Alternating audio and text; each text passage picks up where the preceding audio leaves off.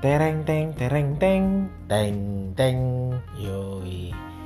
Uh, apa bilangnya ya? Selamat malam teman-teman. Selamat malam juga para pendengar. Yoi. Kembali lagi bisa di podcast gue Pet Lokes. Podcastnya Babang Petlo yoi. Jadi udah lima hari ya gue agak-agak bingung juga sebenarnya. Lima hari ini mikir mau bikin apa lagi ya tentang sepak bola tuh?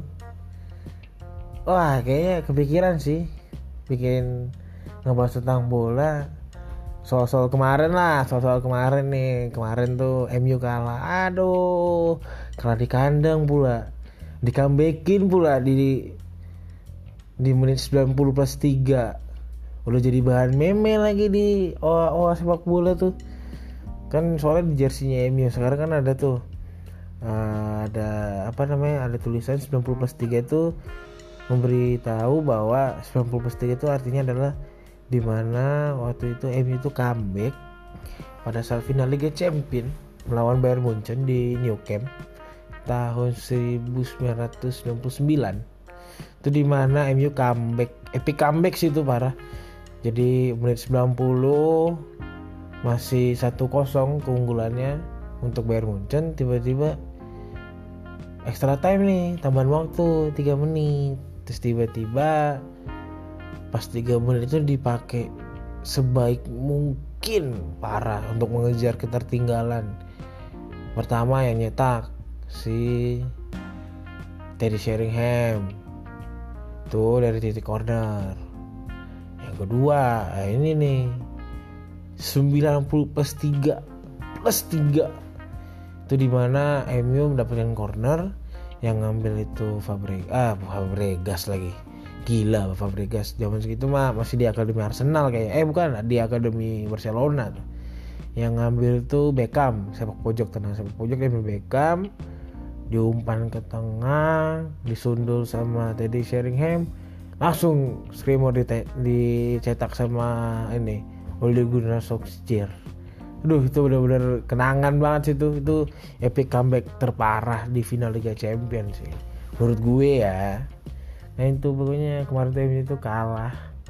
Di mana di babak pertama MU udah kebobolan. Kebobolannya sih pas gue liat highlight golnya itu memang ya mungkin kurang koordinasi atau memang uh, waktu saat duel udara itu Miguire itu bukan Miguire tuh Lindelof ya? Lupa gue pokoknya. Oh, duel udara tiba-tiba nggak sadar tuh ternyata. Bolanya entah nggak nyampe ke De Gea atau memang bolanya jatuh pas di depan striker. Dia itu nggak terjaga sendiri dia bawa one on one sama De Gea De Gea salah ini salah baca bola bolanya ke kanan dia ternyata badannya De Gea itu ke arah kiri jadi ya kebobolan lah akhirnya. Terus juga banyak gosip dibilang nggak gosip sih. Pas gue lihat lagi highlightnya pas live komentator di OA line OA grup OA MU tuh banyak yang bilang katanya Rashford nggak masuk penaltinya. Waduh agak-agak gimana deh ya? Nggak masuk penaltinya padahal sebelumnya Depok bang nggak masuk ini Rashford nggak masuk. Aduh tiba-tiba booming lah dia nih pas di akhir pertandingan. Jadi kena rasis dari fans-fans dari orang-orang ngejekin Rashford gara-gara nggak masuk penaltinya tiba-tiba ya untungnya Daniel James golin lah di menit 89 nah tiba-tiba di comebackin di menit 90 plus 3 aduh. Terus pas gue baca lagi berita-berita di OA MU tuh di line ternyata kebobolan di extra time itu di injury time itu terakhir itu yang nyetak itu untuk bisa menang itu Arsenal. Dan itu tahun berapa ya kalau nggak salah? Tadi tapi pas gue itu 12 tahun yang lalu. Gila rekornya benar-benar pecah. Udah dari sejak David Moyes Louis, Louis van Gaal eh Jose Mourinho sampai sekarang oleh Gunnar Solskjaer. Ah itu benar-benar gimana ya? Agak-agak banyak rekor-rekor MU itu tuh terpecahkan semua. Yang kalah lah di kandang yang kalah sama tim papan bawah apa segala macam. Terus ini juga ada statistik di mana di mana setelah MU mengalahkan PSG di kandang comeback juga 15 pertandingan setelahnya itu MU cuma menang tiga kali. Dan sisanya imbang dan kalah. Dia bener-bener gimana ya? Kayaknya mentalnya naik tuh pas lagi lawan PSG tuh. Bener-bener kayak euforianya masih ke bawah dan waktu uh, next round melawan Barcelona tuh bener-bener aduh.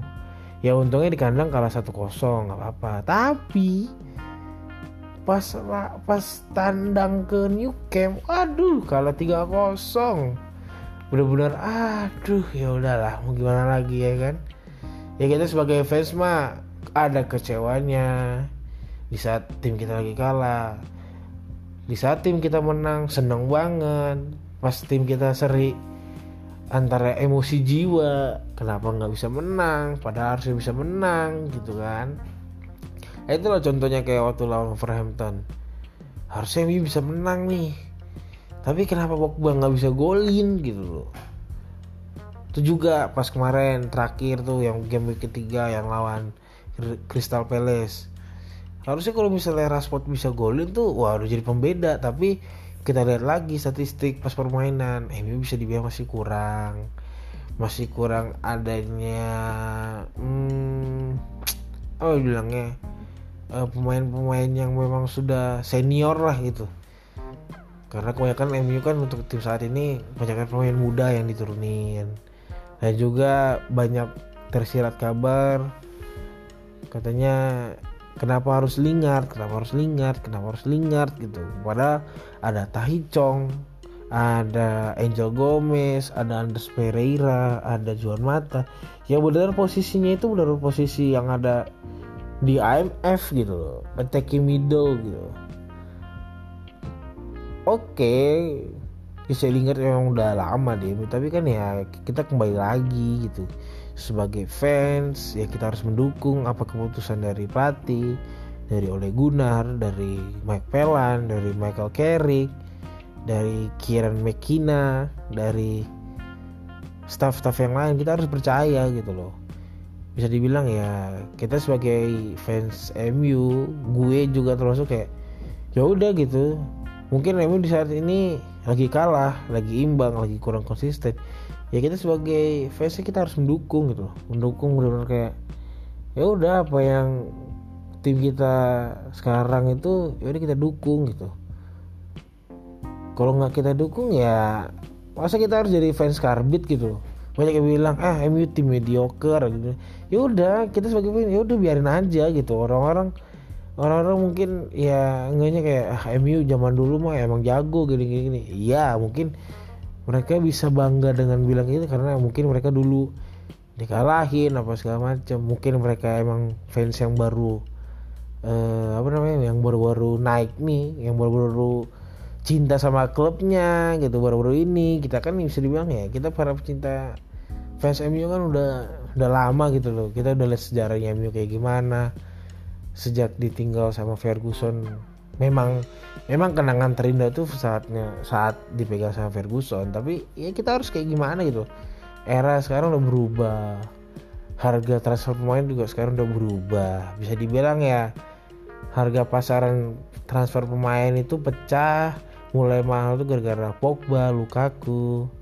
Padahal ya bisa bisa dibilang zaman zamannya waktu MU ngejual Ronaldo ke Madrid itu aja udah lumayan gede loh. Sekitar 80 apa ya?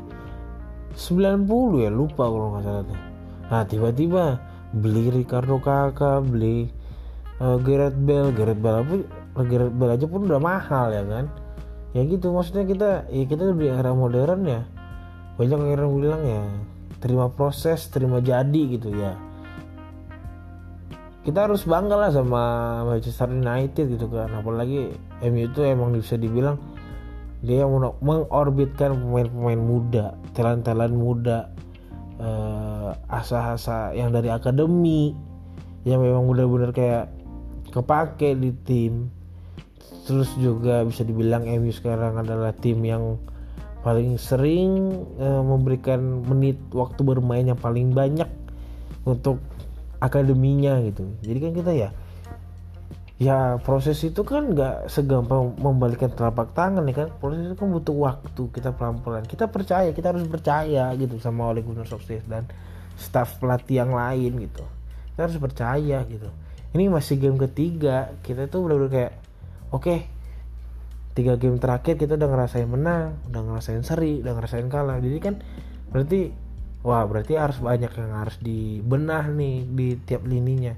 Di kiper udah baik di back juga udah baik tapi Luxio lagi cedera kita nggak tahu nih cederanya parah apa enggak. Terus di tengah sih dan di depan gitu. Di depan itu nggak ada sosok striker yang benar-benar bisa dibilang murni seorang pemimpin di barisan depan yang benar-benar berpengalaman. Terus juga di lini tengah juga minimnya pemain yang berpengalaman. Oke okay, Pogba sudah juara di juara Piala Dunia di di Prancis. Dia sudah memenangi banyak piala di Juventus. Tapi kan kita bisa dibilang ya kita kan butuh seorang pemimpin juga seorang leader yang berpengalaman di lini tengah. Jadi kita sebagai fans harus sangat-sangat bersabar. Walaupun banyak caci makian dari oa-oa lain oa-oa yang ada di IG Instagram gitu segala macam udah dibiarin aja. Kita tuh harus menikmati proses gitu. Apalagi lo udah suka tim MU dari lama nih misalnya. Ya udah kita nikmati proses gitu.